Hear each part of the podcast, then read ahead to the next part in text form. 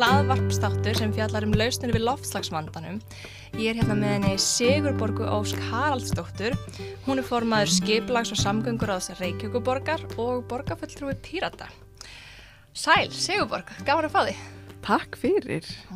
Segðu mér aðeins frá bara þér og hvernig þú hérna byrjaðir að hugsa um og pæli í þennan loftslagsvanda sem við glýmum við. Já, það var raunni þannig að ég er í námi á Kvanneri. Þar er ég að læra umhverfiskipula sem er BS gráða og svo þegar ég var búið með það nám að þá hugsaði ég með mér að ég þurfti að fara út Mm. að klára masterinn og ég ákvaði að fara til Oslo og er þar að læra landslagsarkitektúr og í því námi að þá næ ég svona að sökva mér í fræðin Mm. Akkur eru við að breyta gödunum og hanna borginar öðri sig og, og í háskólasamfélaginu er mjög sterk þessi hugsunum sjálfbærni. Mm. Í háskólanum úti. Já, Já, og ég held að reyndar að þetta sé bara mjög sterkt í háskólasamfélaginu. já. Og þar úti að þá einhvern veginn svona smátt og smátt, þá svona renna á mig tvær grímur sko. Og ég bara, eins og svo margir sem hafa kynnt sér lofslagsvandan, sko, risti mig í hjartastað. já. Mér fannst þetta svo þegar ég uppgötaði stöðuna, þegar ég uppgötaði hvað við erum búin að gera, Mhm. að þá, hérna, þá sittur það á mann svona ákveðið, hérna, veit ég hvort það ör er rétt orðið, en svona ákveðin skilning. Já, og einhvern veginn upp frá því augnabliki að þá ákveði ég bara, ég verð að sitja mitt á vofaskálnar, ég verð að gera eitthvað til að gera heiminn betri.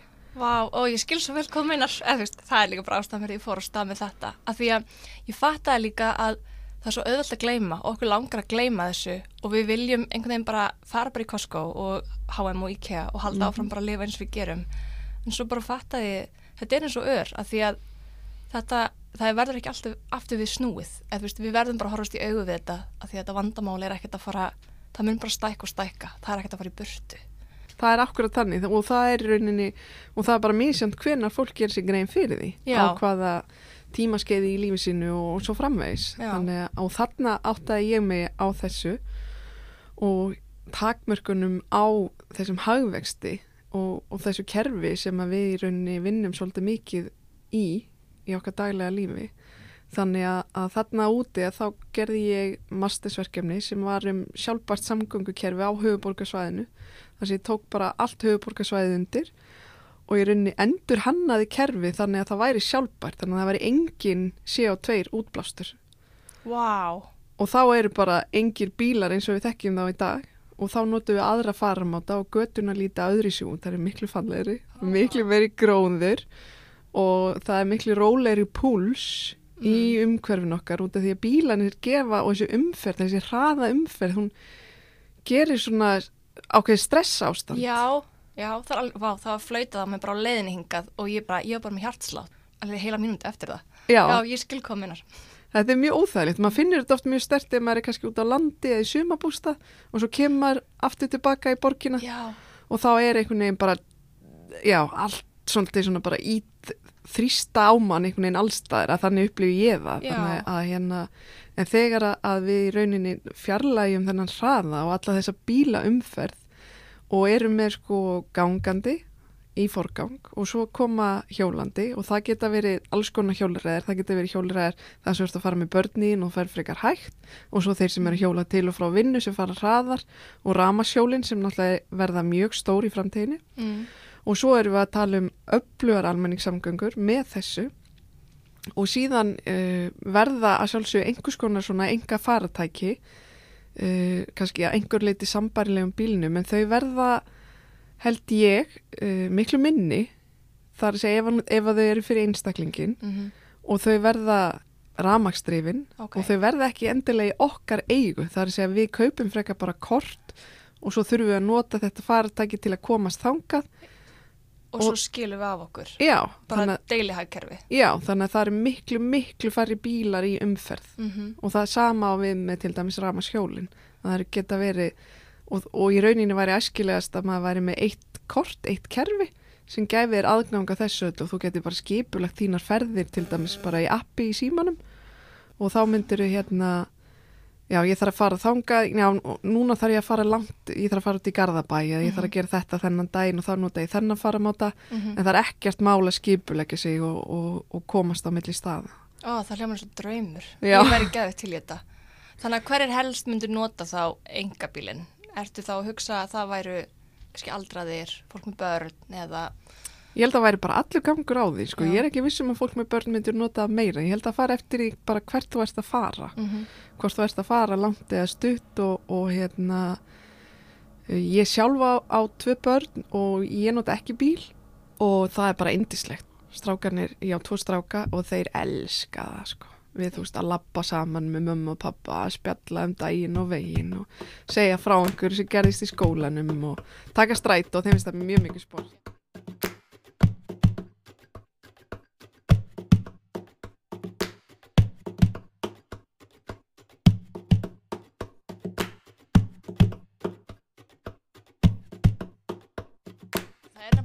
Mikið sport þegar þú ert lítill gutti að taka strætó. Ég þekki þetta líka hjá minnum strák. Það var líka, mér er svo gott að þú nefnir þetta því í rauninni þú ert líka að tala um að veist, þetta verði svona gæðastund. Veist, þetta er Já. ekki bara upp á umhverfið og ekki bara upp á heilsuna, þetta er líka andlega heilsan. Bara þá gefa okkur tíma til þess að vera með börnunum okkar og, og það sem sló mér svo mikið var að, ég veit ekki hvort þú horfir á síðasta þáttin, hvað, hvað höfum við gert? Já, Þar sem hann- Já, herði, hann var að sína börnunum myndir af hérna, vörumerkjunum, Apple og Nike og ég voni ég sé ekki að spoilera en þú veist, börnin þekkti þetta alveg inn og út, bara þetta er Apple-merki, þetta er Nike-merki, þetta er þetta merki. Svo, þú veist, mynda tríi, er þetta Birki, Reynir, Ösp, þekki þetta ekki neitt. Nei, Og þá hugsaði ég bara, guð, ég bara verða að fara með strákin út og bara, þetta er Birki, er, þetta er Spói, þetta er Örn, þetta er Hrafn, þetta er, bara taka svona, svona náttúru, svona leksju. Og, einmitt, ef við gerum þetta meira, bara, bara lappa með krakkarna á leikskólan, þá hefum við tækverð til að gera þetta. Akkurat, það er ymmið það sem gerist sko. Mm. Það gerist þetta að, að, hérna, að þú nærði að tengja betur við umhverfið þitt og, og hérna, þið rauninni tengi betur við gróðurinn sem þið lappið framhjá heldur en gróðurinn sem þú keirir framhjá. Já. Því þú keirir þá ertu svo miklum hraða að þú sérð ekki og skinjar umhverfið þitt almennlega. Nei, Því bílinn er nú ekki, hann er ekki hannað til þess að skinja umhverfið sitt. Það er, er nokkuð skýrt. Þannig að, hérna, jú, það er ymmið það sem gerist og svo þegar að sko hlutir sem þú þekkir og veist hvað heita að þú, þá berði meiri virðingu fyrir þeim og það er líka svolítið tengist sko svona biofília sem er, sem er ákveðið hugtak sem að Björk var að vinna með Björk Guðmundsdóttir í sinni vinnu og sinni tónlist en það er líka unni já, þetta er líka unni með þetta í borgarskipulagi. Mhm. það er að segja að við erum náttúrulega draugumst að náttúrinni draugumst að lífi. Mm. og það er, er sagt biofílega gengur út frá það sem sé innbyggða þörf í mannskeppnuna að dragast að lífinu og vilja vernda það eins og þú sérð það, þú veist, þetta sem þú upplifir þú sérð lítinn kettling Já, til dæmis. já ó, ég trúi því að í himnaríki, ef, ef maður trúir á himnaríki, þá sé það bara stút fullt af svona litlum kvolpum og kettlingum. já, já, já, já. Hmm. Ég- Og, og örgulega fullt, fullt af byrki og reynitrjám líka. já, já, já, Svo þau fá að vera með. Og, og fuglum og öllu þessu en það er líka það sem gerist er að fuglani til dæmis maður heyri fuglasöngin Já, og það er indislegt já, og þú ferð að horfa á svartþröstin og skóarþröstin og, og músarindil og alla þessar tegundir og, og hrafnin til dæmis, hann er alveg frábær mm. og stundum sér maður á sömu stöðunum, sömu fuglana þannig að þá þekkjum maður aftur eða þeir halda sér stundum við ákveðin trí og ákveðina staði. já, já, Það er alveg yndislegt. Og þeir eru rekkjáttir líka. Þeir eru skemmtilegir. Já, já, já. Mm. Þannig að já, þannig að hugmyndin með sjálfbara samgöngukerfin, hún gekk svolítið út á þetta að Mhm. engin kólumis útblástur og hérna og þessi hægi púls og, og svo að sjálfsögðu deilahagkerfið af því að það, þá göngum við miklu minna á auðlindi jarðarina með deila hlutum. Já, já, Þannig- það þarf ekki hver fjölstega bíl, heldur bara, bara 5 eða 10 eða 50 fjölskyldur bara með sama bílinn og nota bara til skiptis. já, þetta er svona, í rauninni geti þetta verið bara svona eins og áskristu þjónusta eins og Spotify Mm. eða, og það, þetta er alveg komið að stað í nokkrum borgum svona kerfi, bæði svona deilibílakerfi sem reyndar er til hér sem heitir Zipcar Já, ég er búin að heyra af því. Hefur þú notað það? Já, þeir eru mjög finnir, það er mjög áhugavert, þú lappar að bílnum og svo opnar hann með appi í símanum Ó, Og þetta er svo high tech. Já, já, og hérna, og sama er til að sjálfsögum með deili hjólinn og það er eitthvað sem að, að við erum að skoða núna hjá Reykjavíkuborg er að opna svona stóra almennlega deili hjólakerfi og, það, og tengja það beint við strætóstoppistöðunar og, og þannig að þá getur við tengt saman misbröndi ferðamáta. og minnst það snilt. Verða tilbúið í sumar. Nei, það verður ekki tilbúið í sumar. Það er, svona, það er stór fjárfesting en, en enga síður eitthvað sem að, að hérna, já, komin svolítið áfram. Já, ó, það er frábært.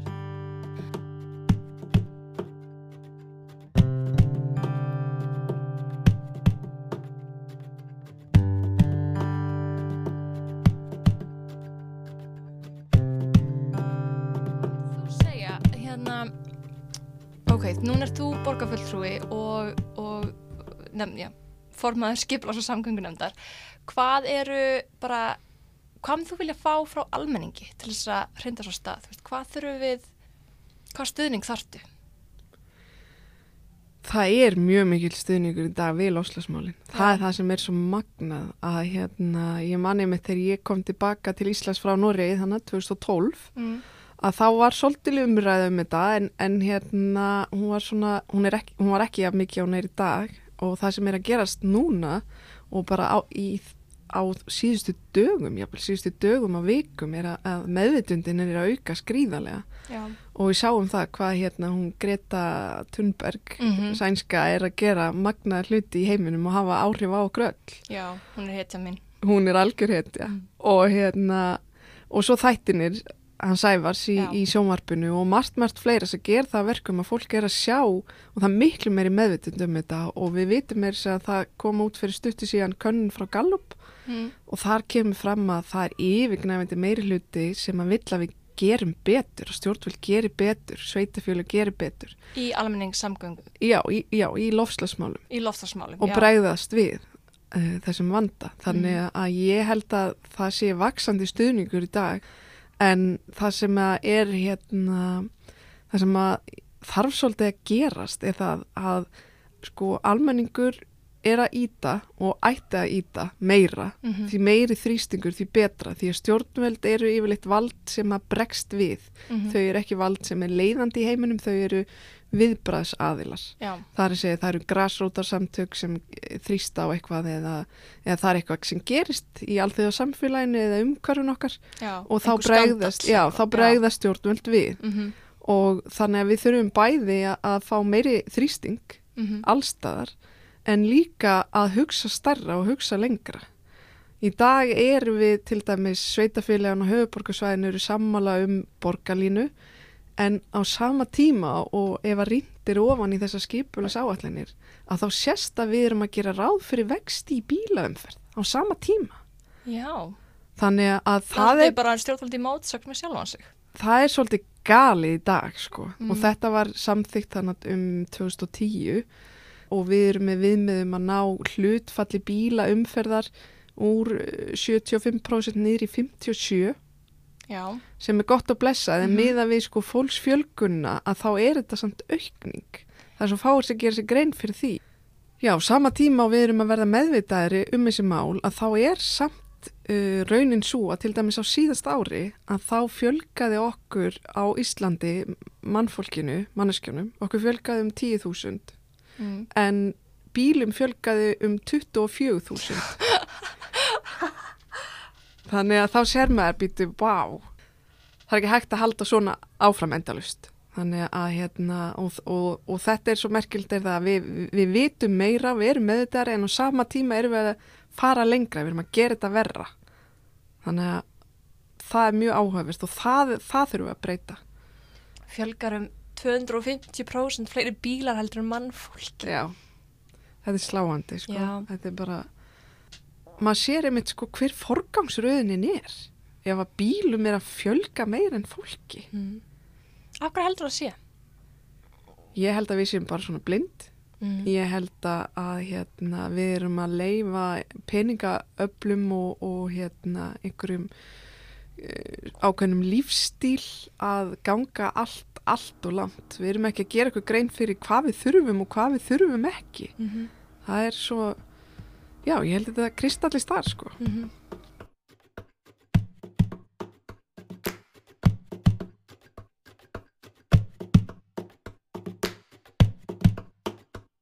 Hvað heldur að þurfi til þess að viðhórsbreyting eigi sér stað? Það er mjög góð spurning. Það er mm. til dæmis, ég hef einmitt verið að skoða núna, það hefur verið að genast bara á síðustu dögum að það eru nokkra borgir sem hafa verið að lýsa yfir svo kallu climate emergency eða lofslags uh, neyðar ástandi. Mm.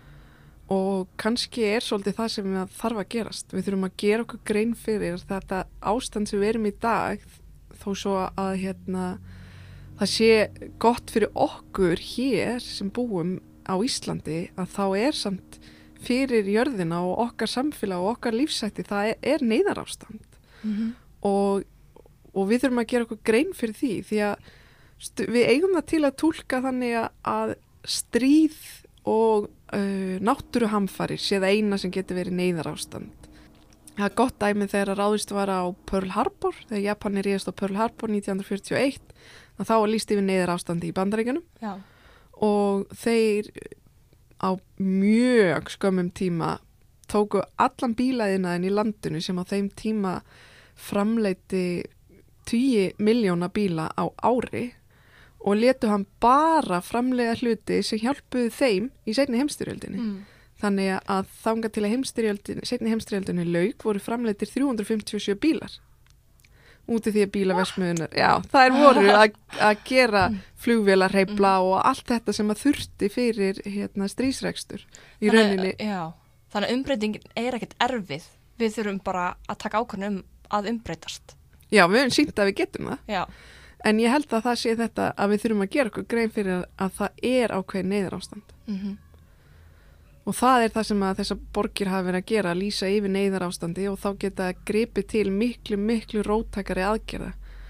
Og stundum, ég verða að vera heiðarlega með það, að á fundum sem ég sita á, sem eru með mörgum öðrum pólitíkusum, fundum borgarstjórnar og svo framvegs og svo framvegs. Og þá er verið að rífast um einhver svona smáandriði. Uh, þetta bílastæði hér eða þessa strætóleið eða þið geti ekki neitt okkur út úr bílunum og alveg bara endalust hvað getur farið mikil orka í þetta. En ég loka bara augunum og ég hugsa er engin skilningur á því að við þurfum að gera miklu, miklu stærri skref? Þetta, þessi örfá bílastæð og þessi litlu hluti sem við erum að tala um hér, þeir skipta engu máli í heildarsamhenginu. Nei. Og við þurfum að ganga miklu lengra ég meina finnst okkur eðlilegt að 57% sé eðlilegt hlutfall bílamferð ættu að hafa 20, ættu að hafa 30 Mm. í Súrik er það 17% og það virkar bara flott hjá þeim Já, maður hefur þá ekki kvarta mikið. nei, þannig að hérna Af hverju ætla þessi træð að sé? Að því að það sem ég hugsa alltaf er bara, skilur fólki ekki líka að loftslagsmálin eru ókn við all líð okkar eins og að leggur sér í dag. Þannig að við getum annarkvort, sko, við getum valið að breyta eða okkur verið þvingað að breyta á Já. endanum. Af því að það verður bara, ég meina eins og ég var að segja, þú veist, ef að, það, ef að sjávarmál hækkar, það verða kannski bara einhver götur til að keira á. Og þú veist, ætlar að þá þrjóskast í engabilinum í, í þú bara svona hálfur á kafi ég fer ekki úr. Þannig að þú veist, þú getur valið að vera með og vera þá undan flóð, flóðbylgjunni. Ég tala oft um, ég hugsa flóðbylgjuna því að það hljóma eins og dómdagsspá en ég hugsa bara svona það er svo gott að sjá eitthvað fyrir sér Já. af því að ef þetta er alltaf ól, óljóst þá sjáum við ekkert fyrir okkur og þá bregðast við ekki við en bara ef þú, þú getur ímdöður eitthvað annað þú getur ímdöður eldgós eða stríðsástand eða eitthvað annað en Ég held að flóðbylgja sé mjög góð hérna samlíking úti því að hún kemur oft aftan af fólki án þess að gerir sér grein fyrir henni en málið er að hún á sér alltaf undanfara.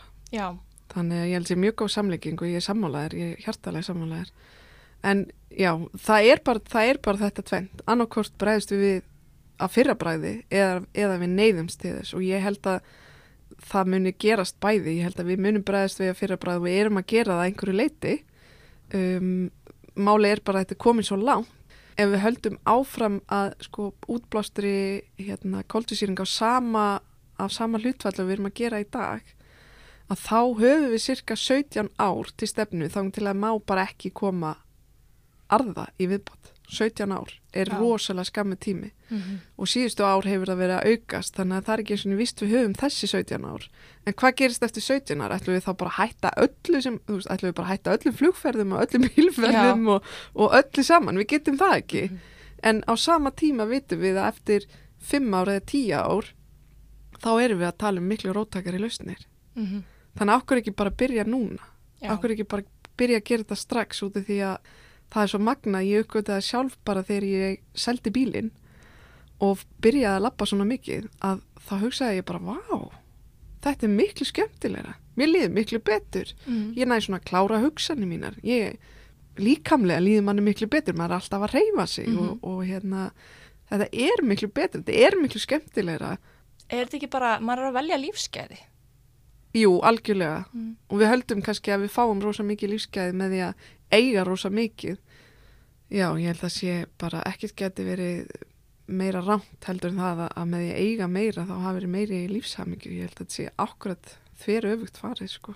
Ég held að það sé rétt þér og ég held að það er það sem að allan að þegar ég horfið á þáttinn hvað höfum við gert þetta er það sem að þú veist, ég myndi vilja spurja bara allir kringum mig, hvað er lífsgæði fyrir þér? Já. Er það eiga með það dót eða er það eitthvað annað? Og hver hlustundur endal þess að íhuga þetta og velta þessu fyrir sér Hvað eru lífsgæði? já, ég til dæmis við þurftum að flytja núna síðasta haust ég og, og maður minn og, og sinnir Að flytja eru ekki lífsgæði, það er umælegt Já, tek undir það. Það er ekki lífsgæði. En hins vegar vorum við að velta fyrir okkur hvart eigum við að flytja. Og við ákvaðum að flytja í hlýðarnar og minka við okkur. Það er að segja við náttúrulega eigum tvö ungbönn en við ákvaðum að flytja í minni íbúð og selja bílinn út af því að þannig eignuðust við mestu lífsgæðin. Eiga minni hluti og ekki bíl Mm. það hefur verið að gefa okkur rosalega mikið, það gefur okkur gæða tíma með strákunum, er miklu minna og miklu minni hlutir inn á því þannig að miklu minna sem þarf að ganga frá og þrýfa, Mhm. þannig að við miklu minni tími í það. Og svo eigum við líka miklu meiri pening því að það að eiga og reyka bíl kostar því að meðaltali 1,2 miljón á ári. Já, þannig að og svo geta keft minni íbúð og átt færri hluti þá eigum við meiri pening mm er líka eins og ég hugsa átt með föt, bara svona til hvað segja mikið af fötum því að það þýðir bara meiri þvottur og bara hverjum finnst gaman að sinna þvottinum.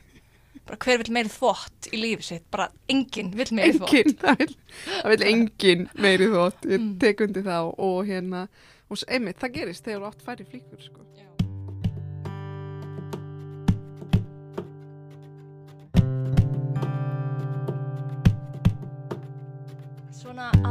Lokum, um, að því að tímabúin líða ótrúlega hratt.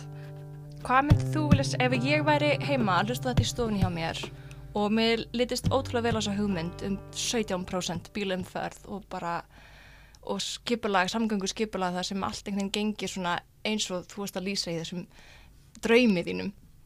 Hvað ætti ég að gera? Ég myndi annarkvort selja bílinn eða að reyna að deila bíl með öðrum, því að Mm. það sem að ég upplifði sjálfar á meðan ég átti bíl, þá var ég alltaf að nota hann. Ég var Já. alltaf að grípa til hans, en þegar, ég, þegar hann var ekki bóði, þá fann ég aðrar lausnir á öllum málum. Mm -hmm. Ég bara fann hér, kefti strætókort hendast eldri stráknum og kent honum að fara í strætó og hann fyrir núna hérna í Kópavóin á æfingar og er rosalega stoltur að því mm. og við þurftum að komast í hérna IKEA í Garðabæ og við fengum okkur hérna aðganga Sipkar þannig að þegar að þú fjarlægir þessa hluti úr lífiðinu að þá, það er mín upplifun að þá breytur um mestu, þegar þú flyttir í minni íbúð þá serðu þú þarft ekki alla þessa hluti þannig að það er svona að ákveða að bara gera hlutin og svo serðu lausnina, svo serðu hvað það gefið þið mikið. Ok, ég skil. Já, en fyrir þá sem eru kannski ekki alveg tilbúinur að losa sig við bílinn sem ennþá en vilja leggja, leggja eitthvað að mörgum. Já, ég held að þetta er bara, það er marga leiðir í gang, lausnir í bóði, sko. Ég ætla að prófa Zipcar. Sipkar er rosalega góður, um, ramasjólin eru alveg snild. Það er bara, ég get ekki lísti fyrir nú sest á ramasjól og svífur áfram að þess að þurfa að hafa neitt fyrir því. Það er alveg mögnu tilfinning. Og mér langar að prófa það. Þau eru frábær. Reykjavíkuborg er einmitt með, hérna, var með síðasta sumar verkefni þar sem að hundra manns voru í bóði að fá ramasjól og þurftu að, að fylgja ákveðinni rannsókn og skila af sér upplýsingum. Það voru þúsund sem sóttum, þannig að þetta er gríðarlega vinsælt. Þannig að eftirspurnin er til staðar. Hún er svo sannarlega til staðar sko. Mhm. Og svo er náttúrulega stræt á appið, ef að fólk þekkir það ekki, þá er það alveg frábært. Og mér finnst algjör snild að nota appið. Ég nota ekki strætó í mörg ár. Ég, ég var mjög döguleg sem úlingur og svo bara eignast í kærasta sem átti bíl og bara, bara notaði ekki strætó í tíu ára eða eitthvað. Svo bara allir byrjaði að nota það aftur. Það var svona þegar að þú veist, annað okkur þurfti að hafa bíl og þegar maður með börnin eða eitthvað. Það var svo einfalt. Það fer bara beinustu leðinir í bæ og það gæti ekki verið einfaldara, finnst mér. Já, það er það sko, appi líka, það er svo þægilegt. Ég man einmitt sjálf þegar ég var úlingur, maður var alltaf að býða. Það var svo umulugu tími að standa í streytaskíli að hýrast og býða. En í dag þá bara get ég séð nákvæmlega bara live í appinu, hvena koma. strætán er að koma og, og þú veist, maður getur verið nánast upp á sekundu sko. Já, það er ótrúlega. Þannig að ég býð aldrei lengur sko. Og ég var aldrei þessi típa að býða. Ég, ég var alltaf bara, ég rauk bara út svona mínútu að að koma og var alltaf bara ótrúlega móð og svo einu sinni var ég svo mikið að flýta mér að ég, ég renn, já, ég rann og ég datt inn í strætónu. og svo þurfti maður að vikjast eins og þetta hafi ekki verið neitt mál og þetta var svona ógæsla vott og það var já, svo illt í rassinum og allir bara, er ekki allt í læg með þið vinnan? Já, úps. en núna þarf ekki að flýta mér eins mikið því ég sé alveg hvernig hann kemur. Já, já, þetta Það er mjög þægilegt sko, mjög þægilegt.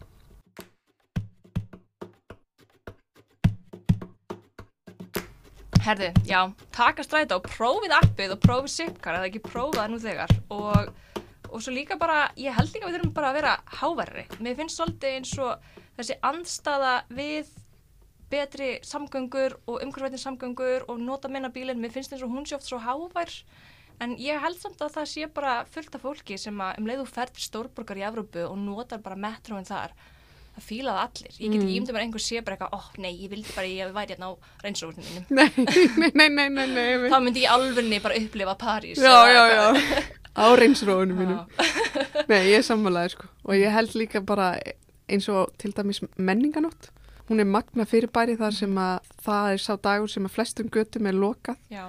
og bærin fyllist af fólki, Mhm. fyllist af gangandi fólki og það er alveg indislegt að sjá það. Mhm. Og svo eru náttúrulega tónleikarnir á Arnarhóli sem eru alveg stórkostlegir. En, en þurfa er endil alltaf að vera þar. Gætu við kannski fært þá eftir, á mismunandi götur. Við Mhm. höfum til dæmis gatnamótin uh, Miklabraut Kringlumýrabraut. Rísastór gatnamót og svæðið í kringum gatnamótin rísastórt. Ó, það verður geðveikt, halda bara tónleika á kringlum með braut og miklabrautinni það er geðveikt stemming Ég held að væri alveg magnað sko og fá fólk til þess að vera þar, vera í rýmunu, sjá þetta, upplifa þetta og til það hafa allir farið mörg þúsund sinnum í gegnum þessi gatnamót mm -hmm. en það fæstir stoppaðar og verið og séð verið úti því að borgin okkar er full af svona rýmum sem að, að hérna, eru þessi óbáslega hröðu rými sem, að, sem mikil og þung umferð sem að mengar alveg gríðarlega. En við getum valið hvernig við notum þessi rými. Já, við þurfum bara ímyndunaflið já, fá að sjá þetta einhvern veginn í öðru ljósi.